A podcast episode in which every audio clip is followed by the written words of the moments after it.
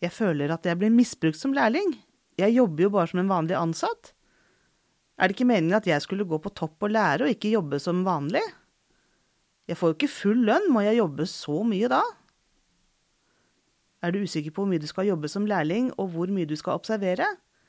I dagens Lærlingbua forsøker vi å finne svaret på akkurat det.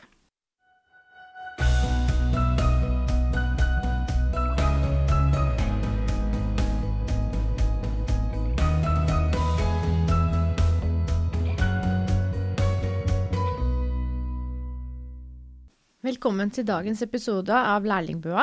Vi som sitter i studio i dag, er Sadia Hussein og Hanne Enger Jensen. Vi jobber begge i Opplæringskontoret for helse- og oppvekstfag og lager denne podkasten for deg som er BUA-lærling i Oslo kommune.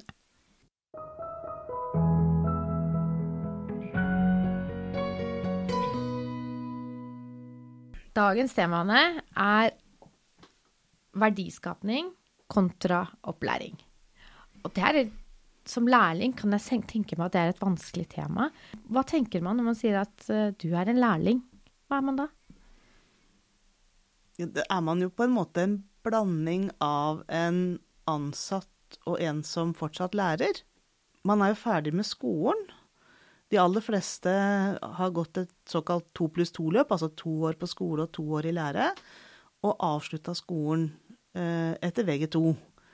Og så skrev man en arbeidsavtale, som man er jo på den ene sida en vanlig ansatt på linje med alle de andre ansatte, men så skrev man også under på en lærekontrakt som gjør at man er lærling. Så man er en blanding da, av en som skal jobbe som vanlig, og en som skal lære. Et hint om hvordan det skal foregå, er jo egentlig den lønna man får. For det lønna, den får man for arbeidet man utfører. Sånn at i starten så får man 30% av en månedslønn. Og 30% det er sånn ca. 1 12 dag av en uke. Så ca. 1 12 dag av en uke så skal man skape en verdi. Man skal jobbe som en vanlig ansatt. Og så skal man bruke resten av tida på å lære. Så den resten av tiden skal jeg da ikke gjøre de samme oppgavene som alle de andre ansatte? Da er jeg jo opplæring. Ja, om det hadde vært så enkelt. Fordi man lærer jo på utrolig mange måter. Jeg tenker man lærer ved å se på de andre, hvordan de andre gjør det. Eh, man lærer ved å prøve selv. Eh, og man lærer ved å gjøre ting selvstendig. Eh, men det er en slags trapp, da. Og jeg tenker at som lærling så må man begynne med å observere de andre. Og være med i aktiviteter, men se på hvordan de andre tar imot foreldre, snakker med ungdommer, løser konflikter, begynner og slutter en aktivitet. Det er mange ting man liksom må følge med på de andre for å se hvordan gjør de det. Og når man har fulgt med en stund, så kan man gå over til å delta på linje med. Kanskje ta litt ansvar for å ta imot noen i døra, kle på et barn i garderoben, eh, lede en lek ute, eh, være med ungdommer i kiosk på en klubb. Det er mange aktiviteter som man liksom kan delta med de andre ansatte, eller med veilederen sin. At man gjør ting side om side. Mm. Og da kan man jo føle at man jobber, men samtidig så er liksom jobben din også å se på hvordan de andre gjør det, og lære å gjøre det rett. Så den verdiskapningsbiten, da, da er det tenkt at jeg skal være selvstendig. Er det sånn? Ja. Det er jo sånn f.eks. Eh, mange spør kan lærlingen være alene ute med barna, og det kan man. Eh, la oss si at vi er i en barnehage, da, og så er det påkledningssituasjon. Så kan godt du som lærling gå ut, være ute og ta imot de barna som er ferdig påkledd uten at det står en veileder der. Hvis du har fått trening og føler deg trygg på den oppgaven. Og du har Akkurat i år så er det litt spesielt pga. korona, men eh, du har vært ute i YF, og noen av de tingene som foregår på det stedet du er, kan du kanskje fra før. Mm. Eh, og da er du liksom fort over i verdiskapning på de tingene. For det, allerede fra dag én så skal du egentlig ha en verdiskapning på 30 da. Uh, og det betyr at det er en del oppgaver som forventes at du gjør alene. For jeg opplever jo at mange lærlinger syns det er veldig vanskelig den overgangen fra skole til, uh, til jobb. Og er det derfor man har den, de trappetrinnene? Hva, hva, er tanken bak den delen? De, når du snakker om de trappetrinnene, så er det jo lønna, sant? som mm. er først 30% av månedslønn, mm. så 40, og så 50 og 80. Og tanken er jo at hvis man liksom deler det opp, så er det ett år hvor man skal lære, og ett år hvor man skal skape en verdi. Men det er jo ikke sånn at du bare lærer i et år, mm. og så bare jobber. Du lærer underveis. Mm. Uh, og, og, tanken med at lønna stiger, er jo at du skal bli flinkere og flinkere. Mm. Og jobbe mer og mer selvstendig. Siste halve året så skal du ha 80% verdiskapning, dvs. Si at tilnærma lik fire dager i uka så skal du kunne jobbe helt alene uten at eh, du jobber sammen med noen som hjelper deg når du står fast.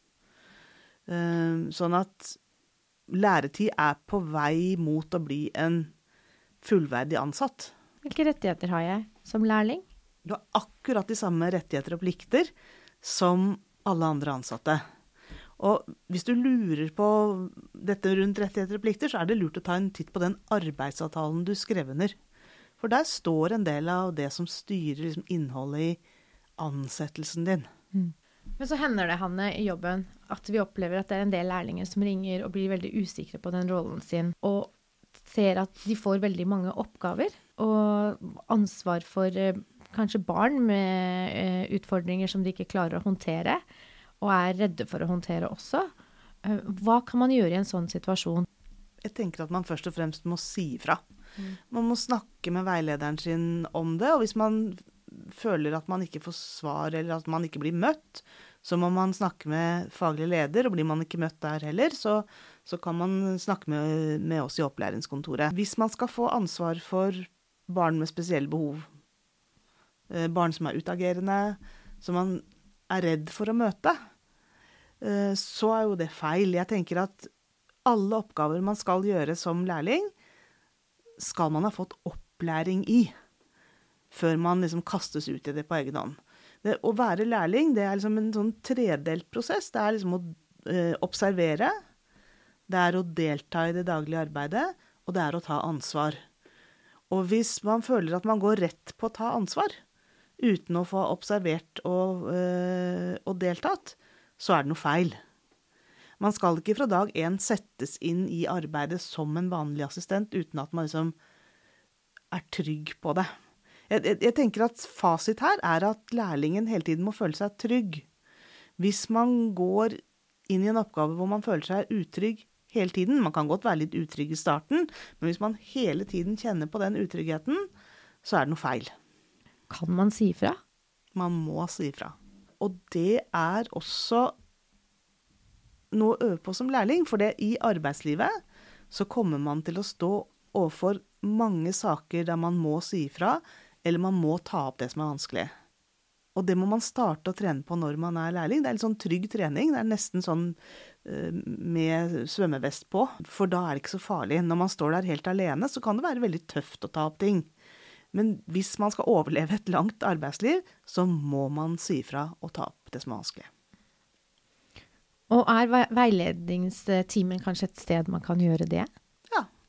Hvis man føler at veilederen er en som hører på, og ikke bare den som gir en de oppgavene som er vanskelig, så tenker jeg at det er første stopp. Det viktigste rådet til deg som føler at uh, du står i én type oppgave, det er å sjekke ut er det laget en plan for opplæringa. For da hvis man har lagd en plan over hvordan man skal jobbe med alle målene i læreplanen, så vil man få en variert lærlinghverdag. Man kan ikke som lærling da bare jobbe med et barn med spesielle behov hele tiden. Da må man ha variasjon. Ehm, sånn at en måte å ta opp dette med veileder på, er jo da å be om en plan. At dere sammen skal lage en plan som skal ligge i OLK. Hvis jeg nå skal oppsummere dette, da vil jeg jo tenke at det første man kan gjøre, er å se på den interne planen man har for opplæringen. Har vi en god plan? Og om man føler at det forventes mer av en enn det en klarer, så er det kjempeviktig at man har en tydelig og klar kommunikasjon med veilederen sin, selv om det kan være tøft og vanskelig. Og så er det viktig å huske på at man lærer på mange forskjellige måter, og det som kan føles som ordinært arbeid for deg, eh, også er en form for læring. At du lærer gjennom det du gjør.